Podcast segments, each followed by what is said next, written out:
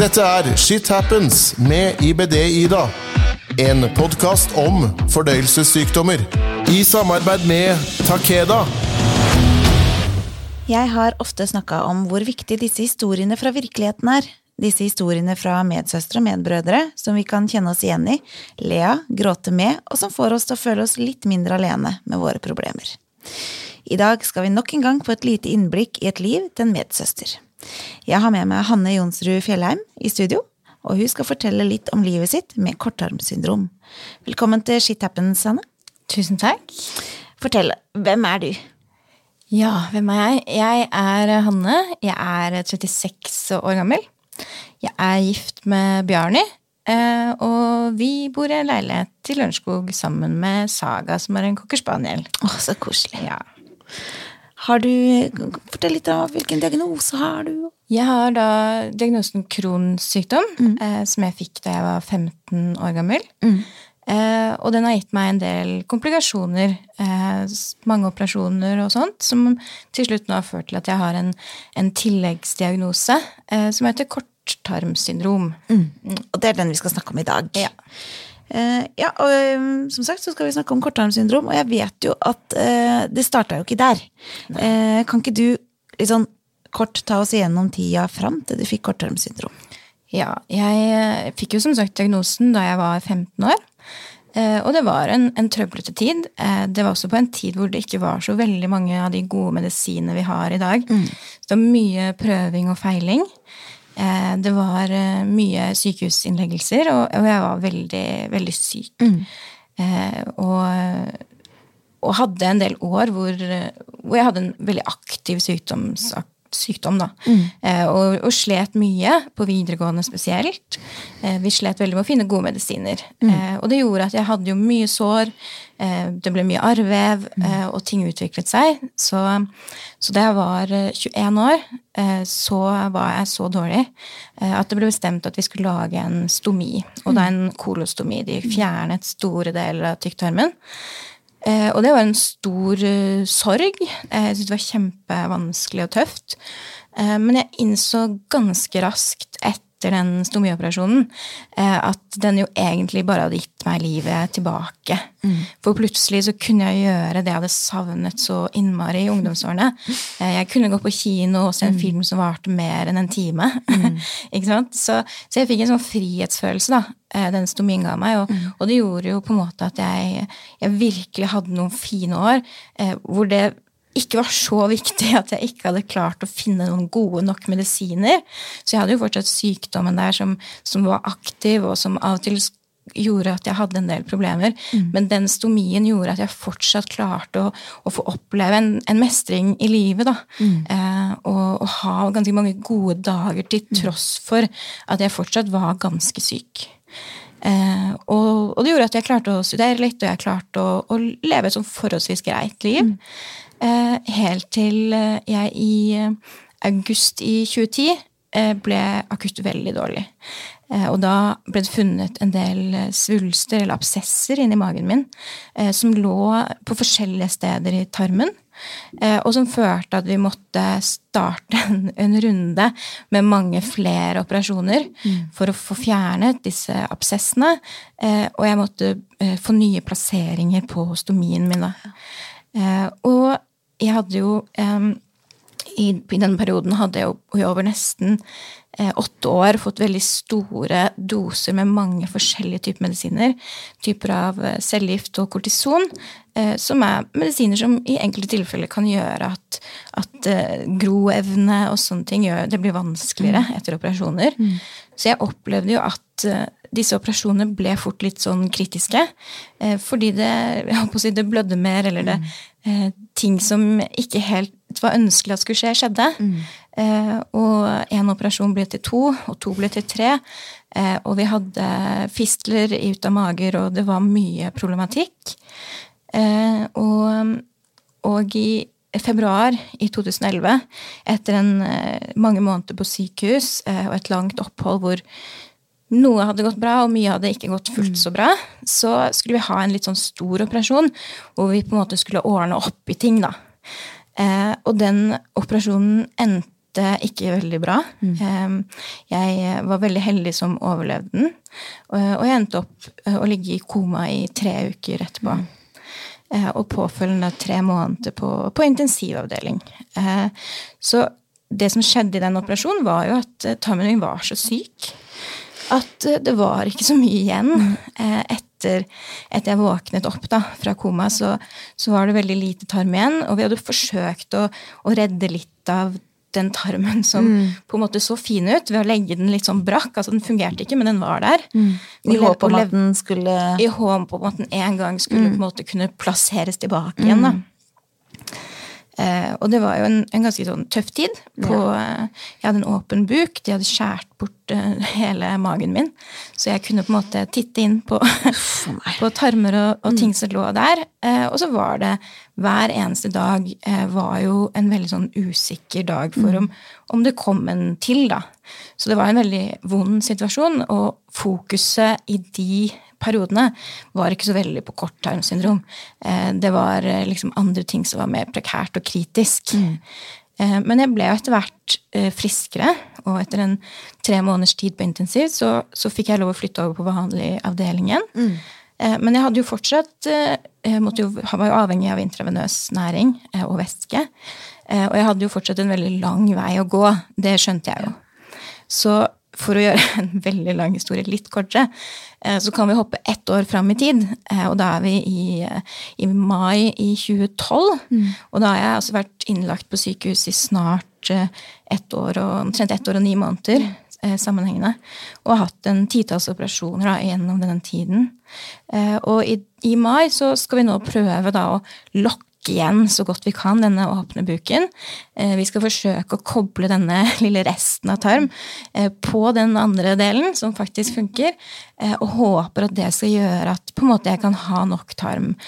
Og dette var kanskje en av de første gangene legene snakket ordentlig med meg om kort tarm, hva det var, og, og, hvilke konsekvenser det på en måte kunne få for meg. Fordi inntil da så hadde nok jeg tenkt at så lenge de operasjonene går bra, mm. så kommer jeg på en måte til å komme litt tilbake til der jeg var tidligere. Mm. Eh, og det var kanskje første gangen jeg innså at det nå var veldig lite sannsynlig at jeg på en måte kunne se for meg eh, å leve det livet jeg hadde levd. Mm. samtidig så hadde jeg jo ikke hadde jeg vært så mye syk, så det var liksom ikke mm. Jeg var ikke så veldig redd for det jeg var mer redd for at jeg måtte fortsette å være på sykehus i all evig framskuletid. Eh, for det var jeg ganske lei av på det tidspunktet. Mm. Eh, så gikk det dessverre ikke sånn at den tarmbiten vi hadde håpet skulle kunne kobles på, den, den klarte vi ikke, og etter noen operasjoner og litt sånt, så endte det med at det gikk ikke. Mm. Vi klarte å lokke magen. Den ble sydd igjen og ble fin og flott. Jeg fikk en stomi som fungerte kjempefint. En en uh, veldig kort si, veldig kort tarm, da, men stomien fungerte fint. Mm. Uh, og ting gikk greit. Men det var jo fortsatt et stort problem, dette med å få nok næring. Mm. Uh, og det å ta opp nok væske. Mm. og det som også vi fant ut da, var jo at jeg kun hadde under 70 cm med tarm igjen. og det er jo altfor lite. Hvor, hvor mye skal man ha? Sånn cirka? Nei, altså, man, Det er jo litt veldig individuelt. Tarmen er jo et helt fantastisk organ. Mm. Den tilpasser seg jo eh, noe enormt. Mm. Men eh, under 200 cm er liksom stort sett en sånn generell definisjon mm. for når du har korttarm. Ja. Eh, men jeg tror også det er viktig å hvis man opplever at man har masse diaré, at man, man øh, ikke klarer å ernære seg godt nok, hvis man merker at man mangler vesentlige vitaminer og salter, så tror jeg man skal snakke med legen sin litt om det. For mm. du kan ha symptomer på korttarm mm. selv om du har litt lengre tarm. Og du kan også være mye, veldig fin å ikke ha de symptomene, selv om du har kort tarm. Så, mm. så det er en sånn Det handler mye også om individet. Eh, så, så, det var liksom Ja, det, i 2012 var det liksom første gangen vi, jeg innså at nå har jeg så kort tarm mm. at her må, vi, her må, vi, gjøre noe lurt. Ja. Fy søren. Og uh, du snakka litt om det i stedet. Uh, den liksom negative følelsen du hadde til, til, til stomien din. Uh, tror du at jeg liksom generelt snakka om Jeg har vært inne på dette mange ganger før i andre podkaster også, for det, jeg brenner litt for å snakke om det. Fordi stomier er ofte nevnt på av helsepersonell og andre som 'uff a meg, den siste muligheten'. Og det påvirker jo oss også til å tenke og tro at, eh, at det å få en stomi er noen forferdelige greier. Ja. Eh, Ja, det har jo jeg. Jeg har vært likeperson for Norilco i, i mange år og snakket med veldig mange, både barn, unge og voksne, som har fått stomi. Uh, og jeg opplevde jo at jeg var så heldig i den perioden å ha en lege som, som var så bestandt på at dette absolutt ikke var siste mulighet. Tvert imot. Dette var liksom en god mulighet. ja, det er akkurat det. Uh, Men det hjalp jo ikke når alle andre leger og sykepleiere rundt han uh, og andre eh, fortalte meg og var så triste på mine vegne. Og, og det, det var nesten verre, fordi han, han var veldig positiv. Han hjalp meg veldig sånn psykisk i å takle dette. Eh, Men, men alle rundt merket jo at Og det, det gjorde jo at jeg ble veldig usikker. ikke sant? Og, og da kjente jeg jo ekstra på fordommene, selv om, selv om de For de burde i hvert fall ikke hatt ja, ikke sant? Og så vet jeg ikke om de liksom hadde fordommer, men de syntes så synd Ja. på meg. Og, og det var liksom ikke, jeg hadde ikke behov for medlidenhet. Jeg hadde behov for liksom å bli liksom empowered, på en måte. Ja, backa opp Ja. og bare Ja. Få hjelp til å finne styrken min i en ny hverdag. Da. Eh, og, og jeg fikk også liksom brosjyrer. Jeg var singel og 21 år, og så får jeg brosjyrer om seksualitet, eksempel, med bilder av mennesker på 80 år på utsiden. Og det er liksom sånn det er jo ikke sant? Det var jo bare det Uff, verste noen kunne gitt Ja, meg da jeg lå i den sengen. Stakkars. Så jeg, ja, nei, så det, det var mye rundt det som kunne vært bedre. Eh, og jeg opplever at fokus nå, eh, nest, ikke 20 år etter, men ganske lenge etter, er litt bedre. Mm. Hvorfor håper jeg. Men du legger til litt, og så tenker jeg at eh, nettopp dine opplevelser er jo kanskje også årsaken til at du brenner så for å snakke med andre. Du er likeperson, du, du er jo en eh, aktiv dame innafor dette her med helse og, og spre informasjon. Og det tror jeg kan være av opplevelsene du sjøl har sittet med. Absolutt. Og jeg hadde også besøk av en likeperson på sykehuset når jeg fikk stomi. Mm. En eldre dame på godt over 80 år. Men hun var en skikkelig kul 80-åring. Ja. Hun var en utrolig sprek dame. Hun var trent og slank, og liksom, hun var noe helt annet enn jeg hadde sett for meg skulle komme inn den døren når jeg fikk beskjed om at det var en likeperson. Eh, og det tror jeg var bra. Mm. og en av de tingene hun sa til meg i den, når jeg lå i den senga, var at hun skulle ønske at det kunne vært en litt yngre person Ja. som hadde kommet. Ja. Og, så tenk, og så spurte jeg henne litt, men er det ingen? Og så sa hun jo, det er det, men det er ikke så mange som er likepersoner. Og det var på en måte det som gjorde at jeg tenkte at ja, men da må jeg bli den personen. Fordi den opplevelsen jeg har hatt nå, den er uholdbar. Og det vil jeg virkelig ikke at noen andre skal ha. Hvor mye informasjon altså Hvis vi hopper litt da, til dette med kortarm igjen, da. Jeg, jeg, jeg måtte spore litt av, for jeg, ble, jeg måtte bare snakke litt om det også. Eh, hvor mye visste du om kortarmsyndrom før? Nei, jeg hadde aldri, aldri hørt Nei. om det. Eh, og da, når jeg på en måte vi var klar over at jeg hadde det, så startet jo en lang prosess i å finne ut eh, hva kan vi gjøre. Fordi på det tidspunktet lå jeg var jo innlagt på sykehus, jeg var syk og svak. Jeg fikk store mengder intravenøs næring hver eneste dag. Store mengder intravenøs væske. Måtte ha masse vitaminer og salter i tilskudd i tillegg. Eh, og, eh, og hadde jo, altså en, måtte jo tømme stomiposer hele tiden, føltes det ut som. Eh, og det første vi på en måte Det fantes ingen medisiner mot dette på det tidspunktet heller. Uh, eller i hvert fall ikke i Norge. Uh, så det vi gjorde, var at eh, vi gjorde en vurdering på om tarmtransplantasjon eh, kunne være aktuelt for meg. Mm. og det var det. Og for å på en måte starte den prosessen, så måtte vi også gjøre en sånn vurdering på hva min eh, overlevelsesevne Ja. var etter fem år. Altså en, en slags vurdering på hvor, hvor, hva var sannsynligheten for at jeg ville klare å leve sånn som jeg var i den perioden, eh, fem år senere. Og den ble satt til 6 eh, Og det var også veldig Det er eh, snakk om eh, wake-up call, da. ja, og det var kanskje første gangen jeg innså nøyaktig hvor, eh, hvordan, hvor alvorlig Ja. eh, situasjonen var. For mitt fokus hadde jo på en måte vært veldig på dette. Jeg ville tilbake, jeg ville studere, jeg ville bo Jeg var veldig lei av å bo på sykehus, for det hadde jeg gjort i snart to år. Eh, og, og da innså jeg at dette kommer til å ta tid. Når de snakker i femårsperspektiver, eh, så er ikke dette Så kan ikke jeg forvente at jeg er tilbake i hybelen om, no, om noen måneder. Nei. Eh, og i tillegg så er jo det tallet 6% er jo bare helt 6% for at jeg skal bli 30 år, da. Det, det var ganske sånn det var første uka ganske knusende, og så ble det en sånn kjempemotivator Ja, til, å, til å kjempe. Fordi du, klar, du er av den typen mennesker som klarer å snu eh, n- altså dårlige odds eller vonde opplevelser eller sånt om til noe positivt. Eller om Ja. til noe som jeg, du kjemper for? Jeg er Da. veldig sånn som jeg, jeg liker ikke å dvele for lenge ved de vonde følelsene. Jeg synes Det er kjempeviktig å kjenne på de når de kommer, eh, og la de være der, og være bevisst på de. Men er så, jeg vil liksom ikke si, bade i min egen medlidenhet. Nei. Eh, For det har jeg gjort flere ganger, og det er ikke noe trivelig. Nei. Da blir det bare verre. Og så har jeg, jeg har en begrenset mengde energi. og den energien vil jeg heller bruke på noe som kan komme meg til gode, enn å på en måte være i, den, i de vonde følelsene. Da. Helt enig med deg. Og, og det kan være kjempevanskelig, så det er ikke noe som man bare kan gjøre. det er ikke hokus pokus. Nei. Men jeg tror også at alle de årene med sykdom fram til da Mm. hadde på en måte gjort noe med hjernen min som gjorde at nå eh, må vi gjøre sånn og sånn. Det er ikke noe vits. Vi, vi kommer ikke dit vi ønsker at vi skal være. Nei. Vi må bare vende om, og så må vi gjøre alt vi kan for at vi kan få dette som der og da var det beste alt- alternativet, da, Mm. som var denne tarmtransplantasjonen. Men som jo i seg selv har en 50 overlevelsesgrad. Så det er jo ikke noe sånn Eller da eh, var jo ikke det heller noe sånn quick fix. Eh, og, og det ble jo heller ikke det vi endte med. Nei.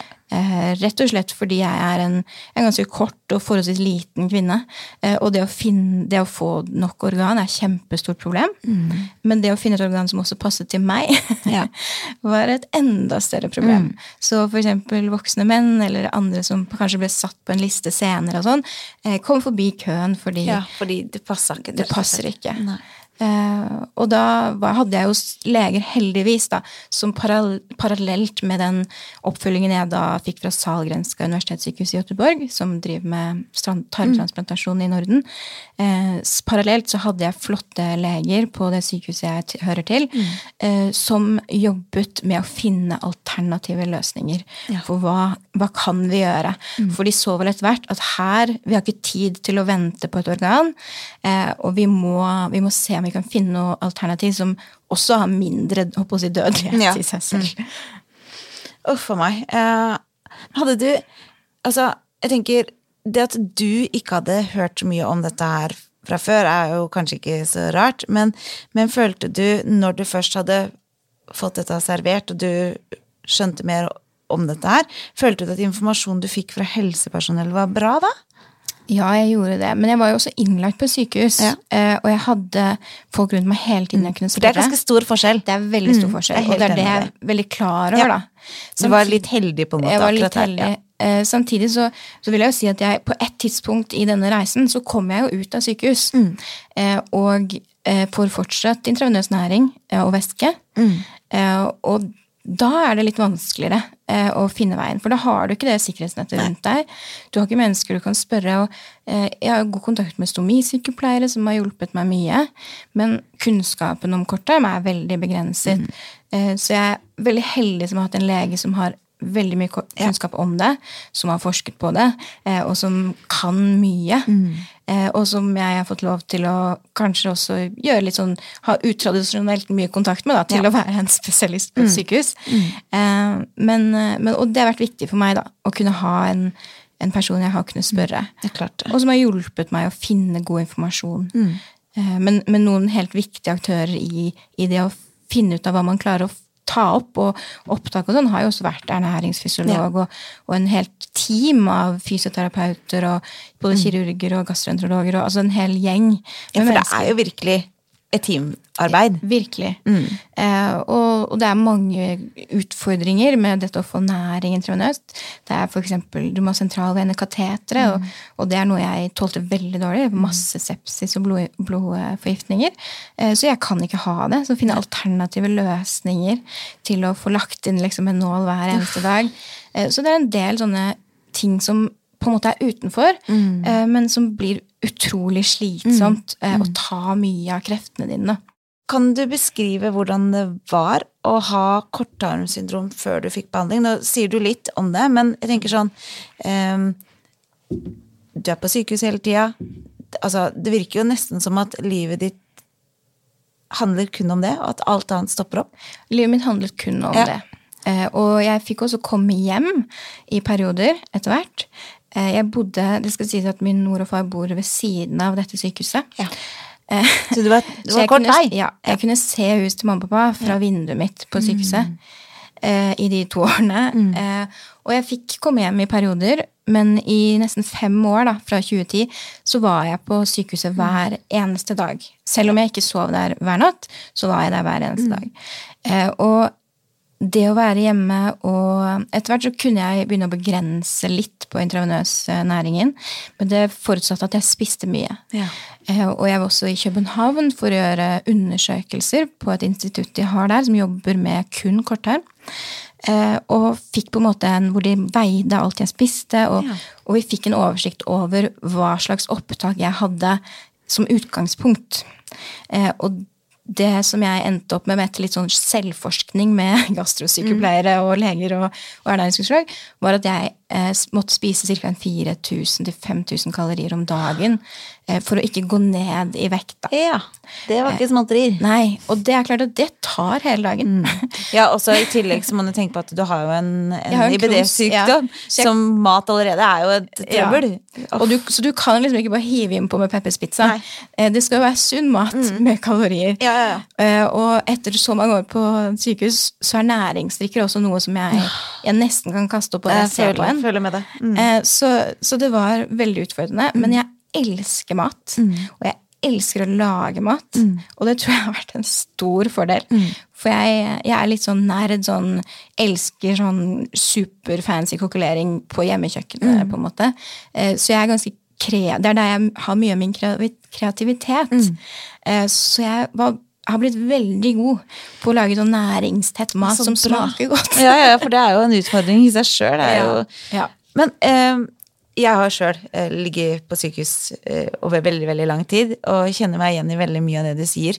Eh, og en av de tinga jeg eh, best kan beskrive den følelsen av når du blir så opp, Altså når du bare havner et sted, og der skal du være, det var Jeg pleier å beskrive det som om jeg ble satt i et venterom med senga mi eh, og nattbordet mitt. eh, Og så var det glassvegger rundt. Men jeg kunne bare se ut, og ingen kunne se inn.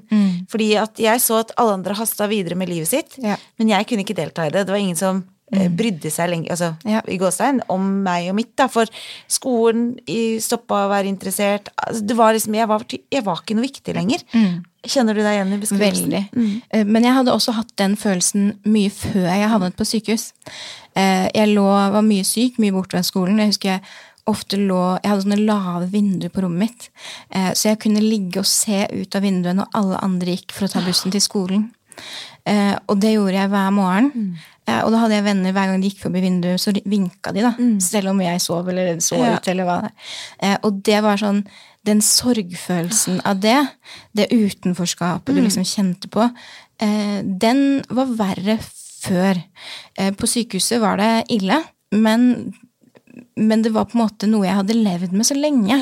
Så den sorgen kom, den var liksom tidligere, egentlig. Men det tror jeg veldig mange med kronisk sykdom eller funksjonsnedsettelse generelt da, kan kjenne seg igjen i. Uavhengig av hvor du er. Ja, Men den der følelsen av isolasjon, da. Eh, og det kjente jeg spesielt kanskje på intensivavdeling. Da fikk jeg den følelsen veldig. Eh, Og det er så vondt. Ja, veldig vondt. Og så mister du Altså, du mister din autonomitet, Ja, altså. Det er noen andre som tar alle avgjørelser i din kropp. Eh, og det er nødvendig, for jeg har ikke kompetanse for, som kirurgene mine har. Eh, men jeg er også veldig heldig som hadde flotte leger som tok meg med eh, direkte og indirekte i de beslutningene som ble gjort. Ja. Så ofte så kunne jeg nok føle at jeg hadde mer medvirkning enn det jeg egentlig hadde. Men det at de faktisk tok seg tid til å la meg få den følelsen, det var helt enormt viktig. Ja. Mm. Nesten sånn grøssende vondt å høre det du forteller om, fordi mye av det er ting Selv om jeg ikke har kortarm, så er det allikevel mange av tinga du forteller om som jeg kan relatere til, da. Ja, det tror jeg det er mange som Ja, det er akkurat det. Er- Crohns eller Mm. lignende som kan. Mm. Kjenner igjen den følelsen av ting du snakker om. Som er, Ja. åh. Men hva slags behandling fikk du, da? Nei, til slutt så fikk jeg jo tilbud om å prøve et nytt medikament. eh, som, som den første i, i Norge. Ja. Eh, et medikament som skulle øke opptaket i tarmen. Eh, og det hørtes jo litt sånn for godt ut, var sant? For det får jo ikke tarmen i seg selv til å vokse, men det øker på en måte overflaten da, Ja. til disse tarmtottene, eller gjør at du rett og slett klarer å ta opp mer næring, eh, selv om du har en kort arm. Ja. Eh, og for meg så ga Og jeg var jo også fullstendig klar over at det ikke var sikkert det ville ha noen effekt, men det var veldig verdt å prøve. Eh, og det var heller ingen sånn store, farlige bivirkninger. Nei. Eh, og, og jeg opplevde ganske umiddelbart bedring. Eh, På, jeg begynte med dette i en juni måned, og når juli kom, så hadde jeg nesten Jeg fikk altså full eh, ernæring intravenøst, eh, og i begynnelsen av juli så hadde vi nesten kuttet det ut. Så på under en måned så hadde jeg gått eh, fra å være helt avhengig av all næring og intravenøs, intra, væske intravenøst, i tillegg til at jeg fortsatt spiste omtrent 4000 kalorier om dagen, eh, til å kun spise selv. I midten av juli, en halvannen måned senere, så spiste jeg altså selv. Det var en surrealistisk opplevelse. Ja, det var veldig merkelig, og det var også rar Det var en rar tid. eh, Men det var altså den befrielsen av å ikke måtte gå med en sekk på ryggen og en pumpe som peip med intravenøs, intravenøs næring. Eh, ikke hver gang. Hvis du satt deg på en stol, så måtte du løfte med deg en sekk. Altså den eh, følelsen av å ikke gå rundt med et IV-stativ hjemme eh, eller på sykehus. Altså Det var sånn befrielse som, som ikke tror jeg kan beskrive. Eh, og det var verdt all den tiden jeg brukte på å lage mat og spise mat. Ja. Eh, for det var lettere eh, å håndtere. Men jeg har fortsatt behov for en, en viss mengde intravenøs næring. Ikke næring, men væske. Beklager. Eh, og jeg har fortsatt den dag i dag behov for intravenøs væske. Så det, det tar jeg hver dag, eller i utgangspunktet hver dag. Ja. Jeg kan hoppe over en dag og ta to liter dagen etterpå. eller sånne ting.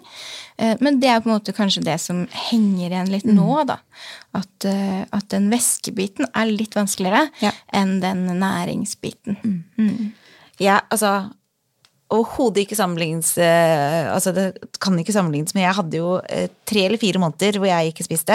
Og jeg husker når jeg skulle spise igjen da, satt skulle putte rundstykket i munnen, hvor rar den følelsen var. Og tenker bare på deg da, det har vært helt merkelig når du da liksom skal plutselig Ja. klare deg helt uten Ja, og, og etter den intensivoppholdet, mm. da spiste jeg jo ikke på nesten fem måneder. Nei, ikke sant? Eh, og da var det en veldig rar opplevelse hvordan sansene forandres. Eh, hvordan når du ikke spiser, og tørselssansen din forandres. Og bare det jeg husker jeg skulle spise avokado, som jeg elsker. Eh, og med en gang jeg tok den i munnen, så måtte jeg bare spytte ut igjen. Fordi smaksløkene mine var, var forandret. Etter, eh, etter å ikke ha spist på det så lenge, og sikkert pga. andre ting òg. Men jeg måtte på en måte lære meg å like ganske mye mat som jeg i utgangspunktet visste at jeg likte, og det var veldig merkelig. Å på en måte se mat foran deg som jeg eh, Hjernen min hadde en idé av hvordan det skulle smake. Mm. Og så tar jeg det i munnen, så smaker det ikke sånn. Det minnet jeg hadde om smaken, var feil. I, I mange, overraskende mange tilfeller. Så, og så var det ting jeg ikke likte så godt før, som jeg plutselig likte veldig godt. Ja, Så, så rart. Ja. Men har tilstanden hatt andre store konsekvenser for det? Altså den, den har jo den konsekvensen at jeg fortsatt bruker ca. to timer hver dag på å ta væske intravenøst. Eh, og det har jo i den konsekvensen at jeg har fått mye blodforgiftning, eh, mye sepsis pga. Eh, kateter, altså sentralvenekateter, eh, og at jeg ikke kan bruke det. Så jeg har eh, andre måter. Jeg bruker en AV-fistel, som er lik de som er eh, dialyse bruker, hvor jeg legger inn en nål selv. da Ja. eh, hver dag for å få intravenøs væske. Og det fungerer veldig bra. Eh, og det, er kl- men det er klart at det er jo kvelder hvor jeg tenk, hadde planlagt at nå skal jeg sette meg og se på nyhetene og Ja. ta to timer væske, og så er det en venninne som bare 'Nå er det så fint vær ute, vil du være med og gjøre det?' det? Ja. Eh, og da er det noen ganger at jeg blir svak og sier 'jo, jeg blir med likevel'. Og så tenker jeg at jeg kan jo ta litt ekstra væske dagen etterpå, og så skjer det noe dagen etterpå. Så Ja. det er jo ofte ikke ofte, men jeg, av og til så kan jeg føle at det begrenser litt. Samtidig så prøver jeg å se det i perspektiv på jeg, hvor begrenset jeg har vært tidligere. Og at eh, jeg kanskje er ganske heldig eh, i måten jeg gjør det nå. Om du skulle gitt tips eh, til f.eks. helsepersonell eh, som skal hjelpe å veilede fremtidige kortarmspasienter. Hva vil du tipse av dem om?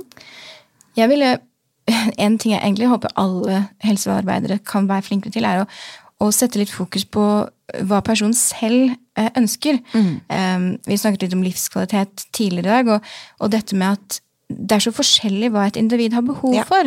Så hva som er viktig for meg, er ikke nødvendigvis viktig for noen andre, eller det som på en måte er eh, mål i liv, eller at man også, at man også har fokus på hva psykisk er viktig for deg. Hvordan føler du deg? Hva gjør, eh, hva gjør denne opplevelsen med deg? Mm. og at man sammen da kan sette et godt team. Mm. at man får med kanskje litt ernæringsfysiologer, at man har med stomisykepleiere som har uvurderlig kunnskap på det meste, opplever jeg. Eh, og at man eh, snakker om hva som kanskje kan En viktig ting er jo, som jeg spiser mye av, er jo mat som gjør at ting går saktere gjennom systemet. Eh, og det er jo en del som en del stomibrukere i hvert fall tenker at de må holde seg unna. Eh, så, som var, For jeg hadde hatt en kolostomi tidligere, så mitt hode var liksom satt, liksom tuna inn på at ok, ikke spise så mye av det og ikke spise så mye av det. Og nå måtte jeg plutselig spise mye av det fordi jeg vil at ting skal gå så sakte Ja, som mulig. Eh, så det, men jeg opplever jo at dette ikke er noe man har så mye kunnskap om. Men jeg vet jo at det fins mange i Norge som har det. Eh, så jeg vil jo oppfordret de til å istedenfor å prøve å finne opp kruttet på nytt, da, ta kontakt med de som har kompetanse. Ja. For det er mange som har gått veien før dere. Eh, og, og som sitter med uvurderlig kunnskap. ja, eh, og så hør og lytt til pasienten. Eh, For det, ja, man må ikke anta at noen har et behov de ikke har. For da gjør man veldig mye unødvendig jobb. Har du noen ønsker eh, å dele i forhold til den diagnosen? Noe du mener andre bør vite? Om korttarmsyndrom eh, Nei, det er liksom Jeg tror kanskje at generelt vi bør me- være mer bevisst på at man, hvis man opplever å leve et liv eh, hvor man løper på do Det gjelder jo egentlig uansett da, hvilken mage- og tarmsykdom. Men hvis man løper på do hele tiden, hvis man har magesmerter hele tiden, og hvis det er på en måte normen og man har blitt vant til det, så må man liksom ta seg litt i nakkeskinnet si at sånn skal du ikke ha det. Eh, da er, det er noe som kan gjøres i de aller fleste tilfeller. Og ofte så innebærer det en del jobb for deg selv. Du må på en måte altså, snakke for deg og, og kjempe litt for å ta den plassen, men, men gjør det fordi eh, jeg kan jo jobbe, og jeg lever et godt liv. eh, og jeg har utfordringer fortsatt, for all del. Men jeg har også kjempet veldig hardt for at jeg vil eh, kunne komme dit hvor jeg kan leve det livet jeg ønsker. I så stor grad som det er mulig, da. Eh, og det, det er ingen som skal måtte føle at de hele tiden må ha intravenøsnæring hvis det fins andre alternativer. Man må undersøke alle muligheter. Man må liksom ikke gi opp, da. Selv om det er lett å si, og det er vanskeligere å stå i det. Eh, så håper jeg liksom at at man klarer det, da. Mm. Tusen takk for at du kom til Shit Happens og ga oss masse informasjon om en tilstand veldig få har kunnskap om. Bare hyggelig. Takk for at jeg fikk komme. Du, har en utro, du er utrolig modig, og det at du deler din egen historie med oss, eh, setter jeg kjempestor pris på. Takk for at jeg fikk komme. Det var veldig, veldig spennende å få lov å dele dette. Bare hyggelig. Åpenhet det gir kunnskap, og kunnskap det gir trygghet. Om du som hører på har spørsmål til dagens episode, ris eller ros, ønske om tema, tips til gjest, eller kanskje ønsker å dele egen historie, så send meg mail på ibd-ida alfakrølloutlook.com. Du finner meg på Facebook som ibd-ida, og på Instagram som shithappens understrek med understrek ibd-ida. Til vi høres igjen, livet som syk er en evig kamp om det å oppleve gode øyeblikk. Ha kontroll over sykdommen slik at sykdommen ikke kontrollerer deg. Vi kronikere later ikke som vi er syke, vi later som vi er friske. Du hørte Shit Happens med IBD-Ida. En podkast om fordøyelsessykdommer. I samarbeid med Takeda.